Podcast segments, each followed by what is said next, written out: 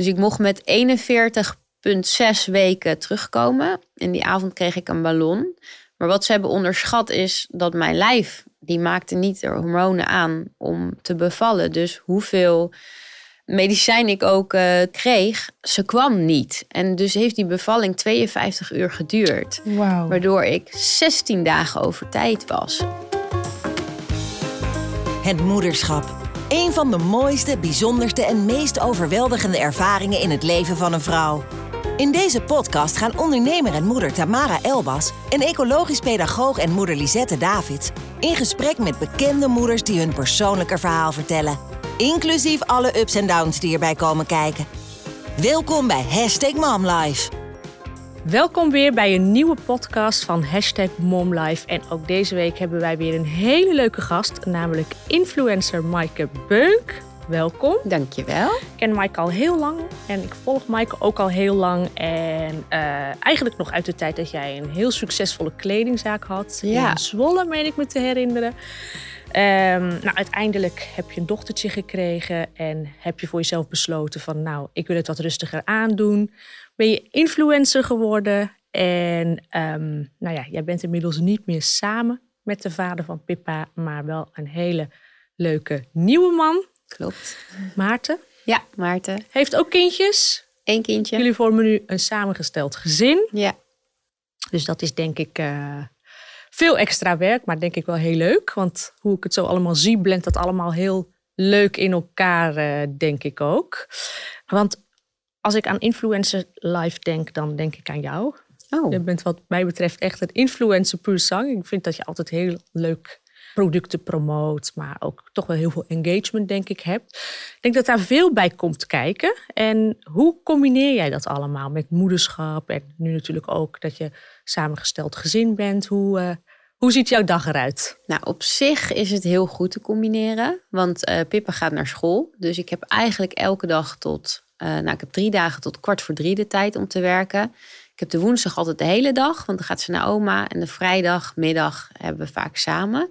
Maar dat is eigenlijk wel het mooie aan dit werk. Ik kan gewoon ochtends uh, de filmpjes opnemen. En ik kan het s'avonds editen. Uh, en de teksten schrijven en aanleveren bij mijn management. En eigenlijk is het een geweldig beroep om te combineren met kinderen of met een gezin, vind ik dan.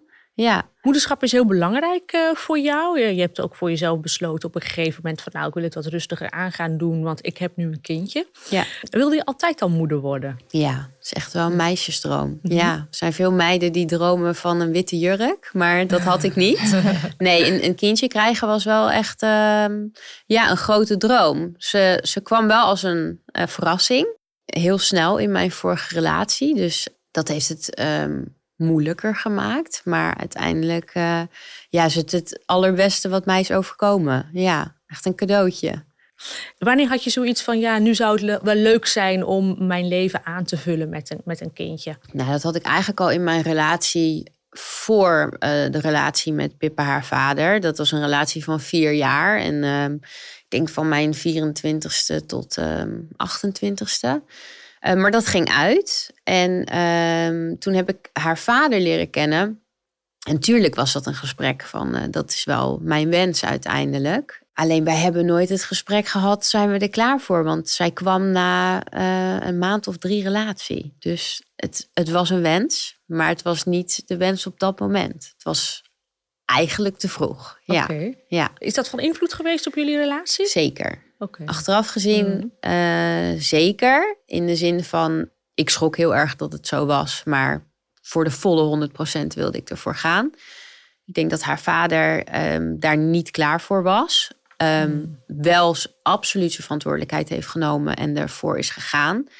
Um, maar dat ik heb gevoeld dat, dat hij er niet klaar voor was. En mm. daarom heb ik in de zwangerschap, maar ook daarna hem alles willen... Uh, ik wil hem, hem niet willen belasten.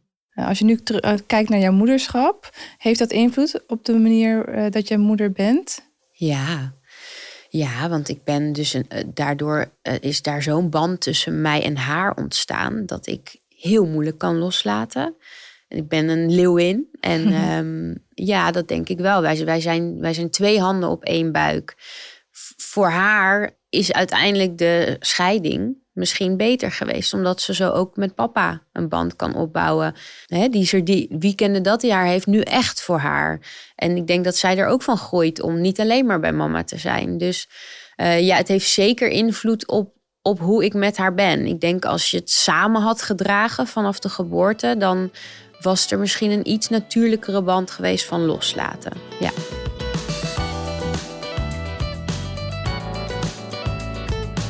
Uiteindelijk was jouw uh, zwangerschap niet heel erg rooskleurig. Ik kan me nog heel goed herinneren dat je op een gegeven moment een aantal weken over tijd was. Um, stuurde de gynaecoloog je met uh, ja, nog net geen paracetamolletje naar huis. Ja. En uh, uiteindelijk leidde dat toch wel tot een hele vervelende situatie. Want toen Pippa eenmaal er was, had jij eigenlijk verwacht van nou, ze is zo voldragen. Het wordt een blozende baby, maar dat was helemaal niet zo. Nee, ze hebben uiteindelijk haar te lang laten zitten. Um, met 41 weken voelde ik zelf van ze moet eruit. En, en inderdaad bij de uh, verloskundige aangeklopt. Nou, die hebben mij door naar het ziekenhuis gestuurd, maar er was geen plek. Er was uh, gewoon geen plek om uh, in te leiden.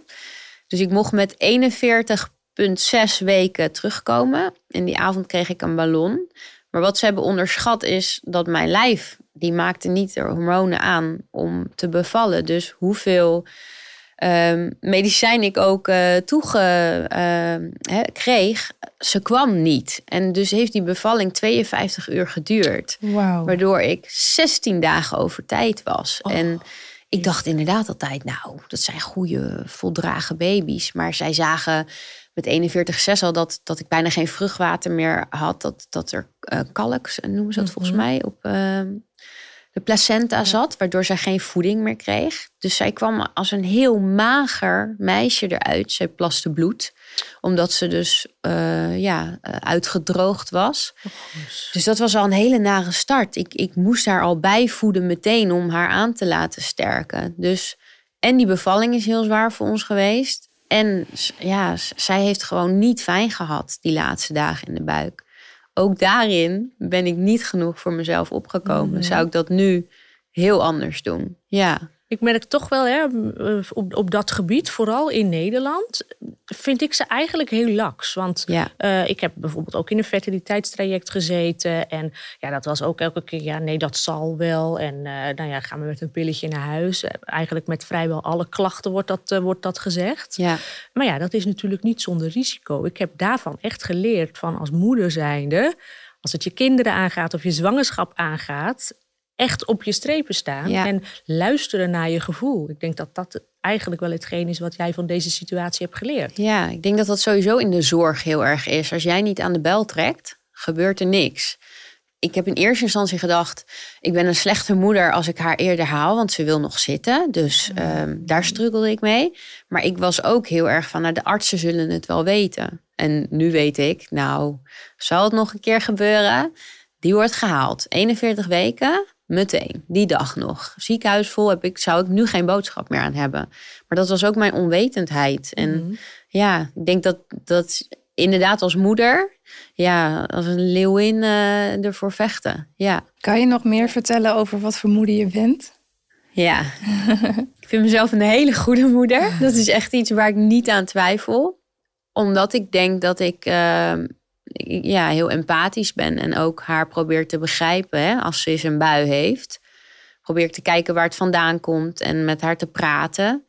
Ik denk dat ik heel veel veiligheid en stabiliteit bied. Want ik ben er altijd en nou, ze woont ook voornamelijk bij mij. En ik denk dat dat haar heel veel vrijheid geeft om te zijn wie ze is. Het is een heel eigen meisje. Um, ja, en ik, ja, ik, ik, ben, ja, ik denk dat ik een hele goede moeder ben die af en toe ook haar geduld verliest, natuurlijk. En, en hoe stimuleer je haar eigenheid? Um, heel erg benoemen dat het geweldig is wat ze doet. Ze, heeft, uh, ze danst anders dan andere kinderen. Dus ik ben een keer met haar naar de kinderdisco geweest. Toen dacht ik, oké. Okay. maar dat moedig ik heel erg aan. Van um, ja, blijf blijf hoe je bent, want je bent mooi zo. En ik benoem ook niet alleen maar, want dat zijn we geneigd bij een meisje, van je bent zo mooierd. Of ik zeg ook, je bent heel sterk en uh, heel slim. En ja, ik probeer haar wel heel erg aan te moedigen in, uh, ja, in, in dat zij mag zijn wie ze is. Ja. Het eerste jaar, nou ja, Pippa had een beetje een vervelende start. Hoe was uiteindelijk de rest van het Nee, dat eerste, ik heb er inderdaad voor gekozen toen de, de winkel op te zeggen en echt een huismama te zijn. Dus ik was veel thuis de eerste twee jaar. Instagram was al wel een beetje groot doordat ik die winkel had gehad en elke dag outfits plaatste. Maar ik deed er eigenlijk vrij weinig mee. En toen uh, na twee jaar begon ik dat weer een beetje naast het moederschap op te pakken. Omdat ze toen naar de peuterspeelzaal ging. Maar over het algemeen was ik veel thuis alleen met haar. En mijn ex, uh, ja, die had gewoon meerdere bedrijven en die werkte heel hard. Dus dat was een beetje de, de rolverdeling de eerste drie jaar van haar leven, zeg maar. En beviel die rolverdeling jou? En ja, op dat moment wel. Ik, tenminste, ik ben heel dankbaar dat ik er zoveel voor haar heb kunnen zijn ja, dat, dat voelt als, nog steeds als een cadeautje. Achteraf gezien ben ik heel blij dat ik dat derde jaar uit mezelf al wel weer begon te werken. Want dat maakte de stap natuurlijk makkelijker om uh, weg te gaan. En nu zou ik het nooit meer zo doen. Omdat ik nu um, ja, inmiddels onafhankelijk ben. En dat geeft me een heel fijn en sterk gevoel. Nou, girl power. Ja. nou. ja, het is toch wel een teken van een sterke vrouw. En uh, dat je voor jezelf gekozen hebt. Ja. Dat is ook een mooie boodschap naar Pippa toe. Ja, zeker. Ja. ja. En nu ben je samen met Maarten. Ja. Hoe doen jullie dat samen uh, met Pippa? Heeft Pippa een fijne band met Maarten? Heb je daar een handje in geholpen? Hoe zijn jullie een beetje samen gaan smelten? Nou, wij, um, ik kende Maarten eigenlijk al elf jaar. Niet dat wij nog contact hadden, maar we volgden elkaar wel op Instagram. Toen uh, mijn relatie uitging, postte ik dat op Instagram. En ik kreeg eigenlijk best wel snel daarna een berichtje van hem van... Jeetje Mike, sterkte. Um, ik zit eigenlijk in precies dezelfde situatie als jij. En destijds dacht ik, ja, daar heb je helemaal geen zin in, weet je. Het, het zal. Maar toch uh, begonnen we te praten en merkte ik, jeetje, we zitten echt in hetzelfde traject. Hè? Mediators, uh, ellende, uh, veel huilen, verdriet. Um, en begon daar een soort vriendschap te ontstaan. Dat is eerst zo gegaan en uiteindelijk, na een tijd, hebben we de kinderen een keer meegenomen naar een speeltuin. En is dat eigenlijk heel geleidelijk gegaan zij wist, Pippa wist echt niet dat hij uh, op een gegeven moment meer voor mij was. Dat heeft wel eventjes hm. geduurd. Ja, en zo werd hij gewoon een vriend van ons, zeg maar. En zijn zoontje ook. En um, begon ze het leuk te vinden om af te spreken. En ik denk dat wij, uh, we zijn nu ongeveer anderhalf jaar verder, dat heel geleidelijk hebben gedaan. Dus nu zijn ze uh, om het weekend bij ons. Zo bouwen we dat op en gaat het langzaam naar samenwonen toe. Ja, en gaat dat heel natuurlijk. En merk ik ook dat zij het ook niet lastig vindt. Dus dat zij ook de jongens mist als ze er niet zijn. Oh ja. En het ook, ja, het is, het is heel fijn. Het gaat heel goed met, met z'n viertjes in elkaar. Hoe oud is het zoontje van uh, Maarten? Uh, twee. Oh ja, oh, ja. leuk. Dus die kan een beetje uh, bij Pippa kijken hoe ja. je dingen kan leren. En... Ja, is heel leuk. Het is nooit slecht hè, als iets heel rustig aan uh, gaat. En nee. ik denk zeker als je kinderen hebt, dat dat met veel meer beleid moet dan zeker. Ja, als je alleen bent uiteindelijk. jullie zijn nu een samengesteld gezin. Nou ja, jij geeft aan van beide kindjes waren heel klein. Hoe is het uh, contact bijvoorbeeld onderling? Loopt dat? Dus hoe is bijvoorbeeld de band met de moeder van het zoontje van Maarten? En hoe, ja, hoe gedijt jouw ex hier in dit verhaal? Ja, dat ik, ik streef daar ontzettend naar. Dus um, wij zijn niet op een leuke manier uit elkaar gegaan. Maar ik heb eigenlijk na een week gezegd: Oké, dat is mijn pijn, dat is mijn verdriet. Pippa gaat dat niet meekrijgen. Dus wij gaan vriendschappelijk met elkaar om. Wij gaan communiceren. Jij bent welkom in mijn huis. Ik ben welkom in jouw huis. En daar is even voor nodig hoor. Want daar, daar, daar zit toch ook gewoon pijn. Ja, wat ik zeg, ik heb heel snel besloten, dat is mijn pijn. En um, het blijft haar vader. En zij mag niet het gevoel hebben dat ze moet kiezen. En mijn ex heeft daar ook heel erg zijn best voor gedaan. Dus wij, um, wij gaan heel goed met elkaar ja, ik praat natuurlijk liever niet over eh, de andere kant. Dat is niet aan mij. Maar ook daarin doe ik heel erg mijn best om uh, ja, voor de moeder van um, Maarten's zoontje het goed te willen doen. En respect te hebben voor haar grenzen. Hem niet zichtbaar op mijn Instagram te plaatsen. Hem niet bij naam te noemen. Dat vind ik hele schappelijke dingen die ik zelf ook niet prettig vind als dat met Pippa zou gebeuren. Dus ja, ik, ik hoop dat allebei de exen weten dat bij ons thuis altijd de deur open staat. En dat bij ons thuis ook zowel over de papa als de mama goed wordt gepraat. Ze worden ook niet doodgezwegen. En dat de kinderen gewoon weten, daar, hier is het veilig. Dus hier uh, is er geen boosheid, is er geen haat en uh, is iedereen welkom. Ja, dat vind ik heel belangrijk. Ik hoorde net uh, jou zeggen van het, het kindje van Maarten plaats ik bijvoorbeeld niet op Instagram. Jij hebt altijd heel lang toch wel Pippa ingezet op je social media kanalen. Ook wel dat jullie samen wat influencer opdrachtjes deden en zo. sinds kort doe jij dat niet meer. Nee. is daar een reden voor? Ja, er is wel een reden voor. Ze werd ouder, dus er kwam meer karakter in. Ik heb er overigens daarvoor nooit echt voor betaalde samenwerkingen ingezet. Wel spullen voor, voor haar mhm. aangenomen. Ja, en toen was daar wel een moment dat uh, mijn ex-partner een nieuwe vriendin kreeg. En no hard feelings, want een hele lieve meid. Um, maar geen moeder. En um, ook een groot bereik op Instagram. En daar kwam Pippa al heel snel na twee maanden relatie op die Instagram. En dat deed mij heel erg pijn. Want er zat natuurlijk bij mij ook nog wel verdriet. Um, vorig jaar kerst was ik nog, zat ik nog bij mijn schoonouders op de bank. En nu zat daar een nieuwe vriendin en met mijn, met mijn dochter. En ja. dat kwam online en dat, dat deed pijn. En dat was niet afgunst of jaloezie. Maar meer dat ik dacht, zit er volgend jaar kerst niet een ander? En zit ze ook op die Instagram?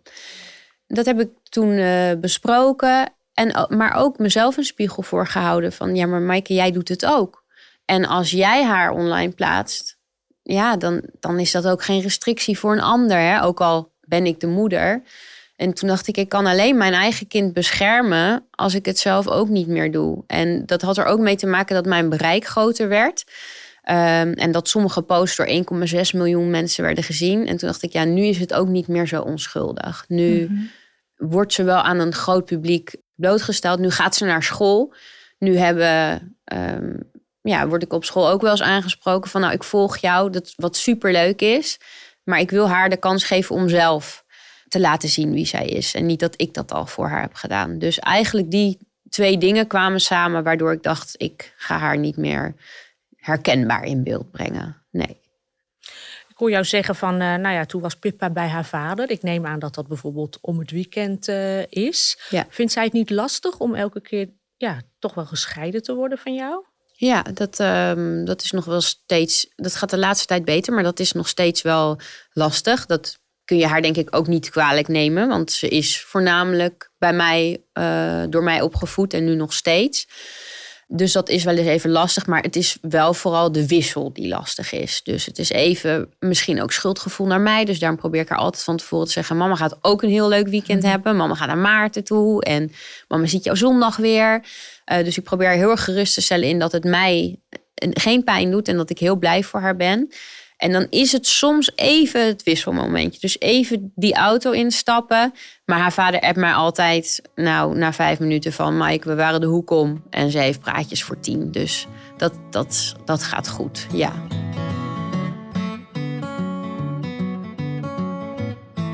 En als je een tip zou geven aan ouders die nu gaan eh, scheiden of op het punt staan van... Ja. Ehm, wat is voor jou heel waardevol geweest? Hoe je dat destijds uh, hebt afgesproken met elkaar? Bijvoorbeeld de omgangsregeling of de manier van communicatie. Wat wil je wel of niet aan elkaar? Uh, hoe ga je elkaar op de hoogte houden of betrekken? Want een stukje vertrouwen groeit ook omdat je misschien wel hoort van hem hoe het uh, bij hem eraan toegegaan ja. is. Of dat hij laat zien dat ze op haar gemak is. Of dat hij even een fotootje stuurt. Of nou ja, dat je wel dat opbouwt samen. Heel, hoe doe je dat? Hoe ga je nou zo'n vertrouwen band weer opbouwen?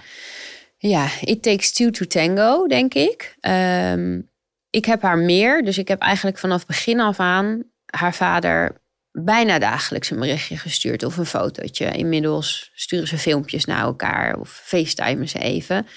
En als zij ziek is, app ik hem als eerste. Als zij af, af mag skiën, app ik hem als eerste. Dus ik probeer daarin heel erg dat te doen dan krijg je het ook terug als je dat doet. Dus ehm, soms denk ik wel eens dat de vader denkt, nou, heb je nou alweer? Want ja, als zij ziek bij hem is, dat vind ik nog steeds heel moeilijk. Maar dan uh, stelt hij mij ook heel erg gerust. En ik denk kijk, het, het beginsel is niet uit elkaar gaan met zo'n ruzie. Niet, niet in die haat en die boosheid blijven hangen. Want dat is wat wel heel veel ouders doen. Hè? Die, die zitten met wrok. Ga dat oplossen. Ga, ga zorgen dat dat weg is. En ga naar elkaar kijken als ouders. En probeer ook te onthouden dat voor jouw kind papa wel het allerbelangrijkste is. Ja, precies. En ehm, dus ook al gun, hè, ook al zit je nog in die boosheid en gun jij de andere ouder niet dat fotootje. Maar bedenk wel dat dat hem betrokken houdt. En dat dat ervoor zorgt dat jij ook dat fotootje weer terugkrijgt. Snap je? Ja, ja. ja ik, ik, ik denk. Ik denk dat daar, maar dat daar wel dus voor eerst voor nodig is dat je uit je boosheid komt. Ja, en even uit de partnerrol letterlijk Ja. ook weer stapt. Ja. Niet meer kijkt naar jij bent mijn ex-partner, Nee, maar echt ziet jij bent de vader van. ja, precies. Ja, ja. Hoe kijk jij tegen de scheiding aan? Heb je er vrede mee dat je niet meer samen bent met de vader van je kind? Heb ik nu vrede mee? Ja. Kijk, het gevoel van falen is groot. En nog steeds vind ik het verdrietig dat wij geen gezin vormen. Want een samengesteld gezin is hard werken. En hoeveel je ook van het bonuskindje houdt, het gaat je niet. Het, het, het kruipt niet in je aderen wanneer ze huilen, snap je? Het, het gaat niet door merg en been. Het, is, het, het stopt ergens. En dat kun je alleen delen met een, een vader. Dus als ik, eh, soms zijn wij wel eens samen, bijvoorbeeld als we eh, een oudergesprek op school hebben, dan ben ik met haar vader en Pippa of nou iets samen met Pippa. En dan zie ik dat hij met dezelfde roze bril naar haar kijkt als ik. En dat, dat is iets wat ik nog steeds lastig vind. Dat ik denk, ja, dat, dat is een gemis. Dat zul je nooit meer in, onder één dak hebben. Maar dat kun je natuurlijk wel bij elkaar zoeken, telefonisch. En dus wat dat betreft vind ik het nog steeds jammer. Maar ik heb er helemaal vrede mee dat ik een, een moeder ben die uit elkaar is met de vader. En dat wij eh, ja, los van elkaar doen. Ja, daar zit geen enkel pijn of verdriet meer. En terugkijkend naar jouw eh, eigen opvoeding, Ja, wat heb je daaruit meegenomen nu je zelf moeder bent? ja in, in beginsel was mijn vader ook eh, nooit thuis. Dus ik, ik denk dat ik destijds daarom ook voor deze eh, man koos. En, en dacht, ja, dat is eh, hoe ik het heb gehad. En dat was goed. Want ma- mama was altijd thuis. En mijn moeder was ook altijd thuis. En ehm, ik denk dat ik eh, heel veel dingen van mijn ouders overneem. En heel veel. Je wordt zo beïnvloed door je ouders. Dat merk je als je groot bent. Hè? Ik mocht nooit zwart aan als kind. En dat vond ik altijd heel stom. Maar Pippa mag voor mij ook geen zwart aan. omdat ik dat niet bij haar vind passen. Dus je neemt zoveel over ehm, normen en waarden. Ja, ik, ik denk. Mijn ouders vinden het ook altijd fijn eh, als Pippa er is, omdat ze gewoon zien dat, dat ik dezelfde regels en normen en waarden over heb genomen. Ja. Ja. En als je wel eens struggles meemaakt in het moederschap, hoe ga je daarmee om? Ik struggle niet zozeer met het moederschap. Het moederschap gaat mij makkelijk af. Ik, ik lees ook veel op Instagram dat ouders zeggen: het is gewoon eh, soms echt te veel. En dat ken ik niet. Dus het, ik heb een hele lange adem. Maar als ik met dingen struggle, dan trek ik wel aan de bel. Ja, of dat nou ehm, bij mijn ouders is of bij een eh, instantie, als dat nodig is. Dan trek ik aan de bel. Ja, ik, ik ben met name denk ik benieuwd met stel dat Pippa iets meemaakt waarvan je denkt van oh, dat vind ik, ja, dat is gewoon een lastig iets. Wat geef je haar voor boodschap mee? Eh, zodra je iets lastigs meemaakt in het leven, nou, wat is dan jouw motto? Ik denk ehm, eh, blijven praten in eerste instantie. Als je iets lastigs meemaakt, deel het. Want delen, dat, dat, dat helpt. En ik zou haar proberen te helpen. Wat, wat kan zij, hè, wat kan zij doen om zich sterker te voelen in die situatie? Ja, ik, ik ben heel communicatief. Dus ik denk toch dat ik dat met praten en begrip en een luisterend oor vooral bieden, dat ik haar daarmee het beste help. Ja.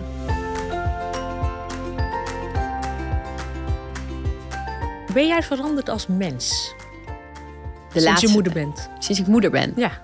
Absoluut. ja? Ja, absoluut. Ja.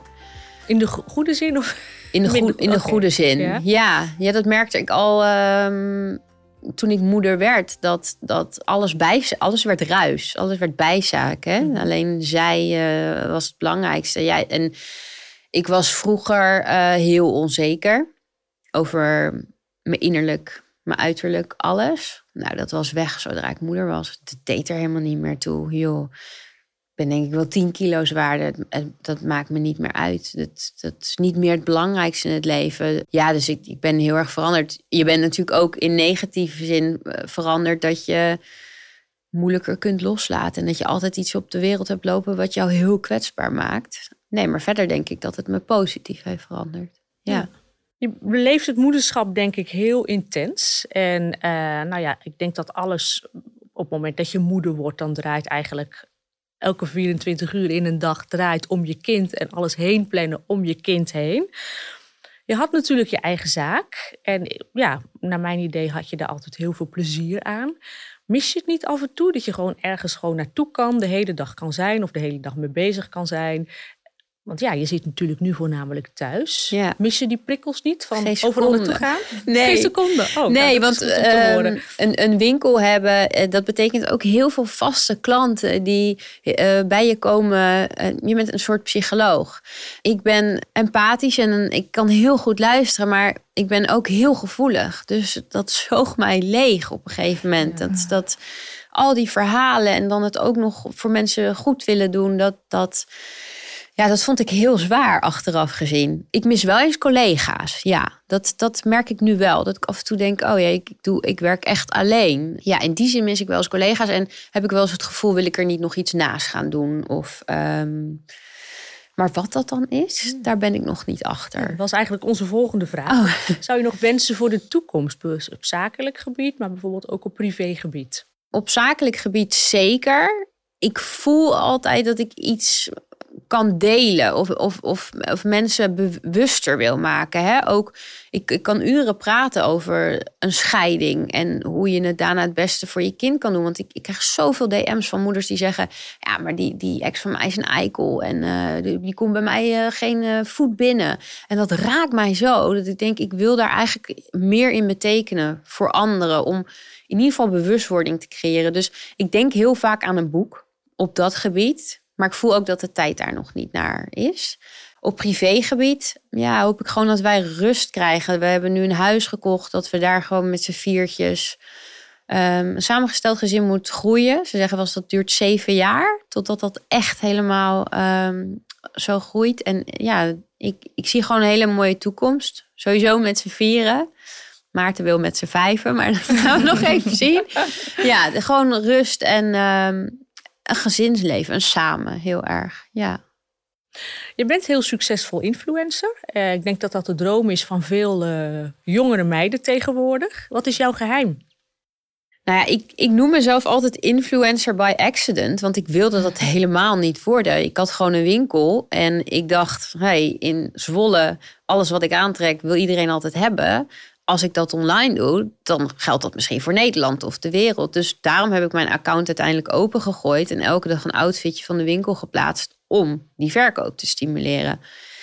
Ja, en dat dat zo is uitgegroeid tot zoveel volgers, dat weet ik niet wat dat is. Ik denk dat uh, ik helemaal niet zo'n mega actieve influencer ben. Hè? Er zijn meiden die dat veel beter doen. Kijk, als ik een dag geen zin heb of een week, dan zie je mij niet. En dan die engagement, ja, dat, dat, dat, dat, daar doe ik het niet voor. Het is omdat, ja, ik denk dat mensen je volgen wanneer je authentiek bent. Mhm. Wanneer je durft uit te spreken over onderwerpen. Dat is ook iets wat ik pas eigenlijk sinds een jaartje durf. Daarvoor deed ik dat ook niet zo snel. Maar dat je laat zien wie jij bent als mens.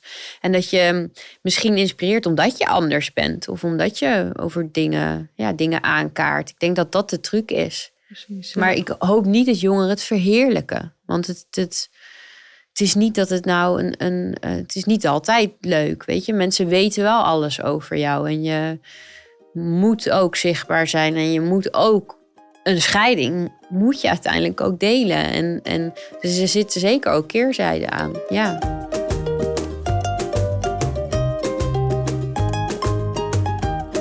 Wat voor uh, belangrijke tips zou je aan aanstaande mama's willen meegeven? Mm, nou ja, blijf dus heel erg bij je eigen gevoel. Als jij denkt er klopt iets niet, dan klopt het niet. lees boeken, maar probeer je eigen draai daaraan te geven. Probeer ook te kijken, past dat bij mij? Ik lees nu heel veel over ehm, ja, je kinderen niet straffen, maar uh, positief laten zien hoe het wel moet. Er, komt een stukje bewustwording bij mij bij, maar ik blijf nog steeds een moeder die wel af en toe boos wordt en straft. Dat, dat ben ik. Dus ik denk, probeer bij jezelf te blijven. Laat je niet door anderen gek maken. Jij je weet het het aller, allerbeste. Ja, dat is eigenlijk echt mijn enige tip. Ja. Um, ik heb wel eens gehoord dat jij ook uh, spiritueel deels bent opgevoed. Uh, neem je dat mee in je eigen opvoeding? Ja, ik denk dat, dat dat zit in mij, snap je? Als ik tegen mijn moeder zeg, mama, ik heb last van mijn maag, dan zegt ze, er ligt iets op je maag. We gaan kijken, hè? Maar dat, van, dat is hoe ik ben opgevoed. Wij gingen niet naar een dokter. Wij gingen praten. Want eh, inderdaad, alles in je lijf. Uh, mijn moeder is holistisch massagetherapeut en voetreflexoloog. Dus alles in je lijf staat verbinding met dus dat is zeker. Ik geef Pippa niet zomaar een pilletje, snap je? Als zij buikpijn heeft, dan praat ik met haar. Dat zit in mijn, uh, ja, in mijn genen gewoon. Niet alleen bezig zijn met het verstand, maar ook met het gevoel. Heb je haar op een normale school gezet of op een vrije school? Ja, dat is dus wel grappig. Ik, ik heb haar dus wel op een normale school gezet, omdat ik dus aan de andere kant door een vader ben opgevoed, een zakenman, snap je? En ik ben zelf ook naar een, een, een openbare basisschool gegaan, dus dat stukje neem ik weer van hem mee. Mhm. Maar dat andere stukje neem ik weer van mijn moeder mee. En zo ja, doe ik toch uiteindelijk hetzelfde als dat zij doen. Ja. Grappig. Nee, in die zin, ik was ook voor scholen aan het kijken, inderdaad, voor Alexander. En dat hele um, vrije schoolidee, dat sprak mij ontzettend aan. Maar ik was daar op een gegeven moment gaan kijken. En mijn kind is een heel dominant mannetje. En die heeft gewoon echt structuur nodig. Ik denk, als ik hem ook nog eens op een vrije school ga zetten... Ja. dan is helemaal het hek van de dam. Dan gaat hij volgens mij nooit meer meekomen ergens. Dus, precies uh, hetzelfde bij Pippa. Die, die die moet ik dat niet laten doen. En ik heb ook wel eens gehoord dat die kindjes die op een vrije school zitten op de middelbare komen en in een soort shock komen. Want dan is het ineens wel. Dus nee, ik vind het wel goed dat zij, en, en zo is haar vader ook, is natuurlijk ook een, een zakenman en, en wel van je best doen op school en je leren. Ik vind het ook goed dat zij dat stukje meekrijgt. Mhm.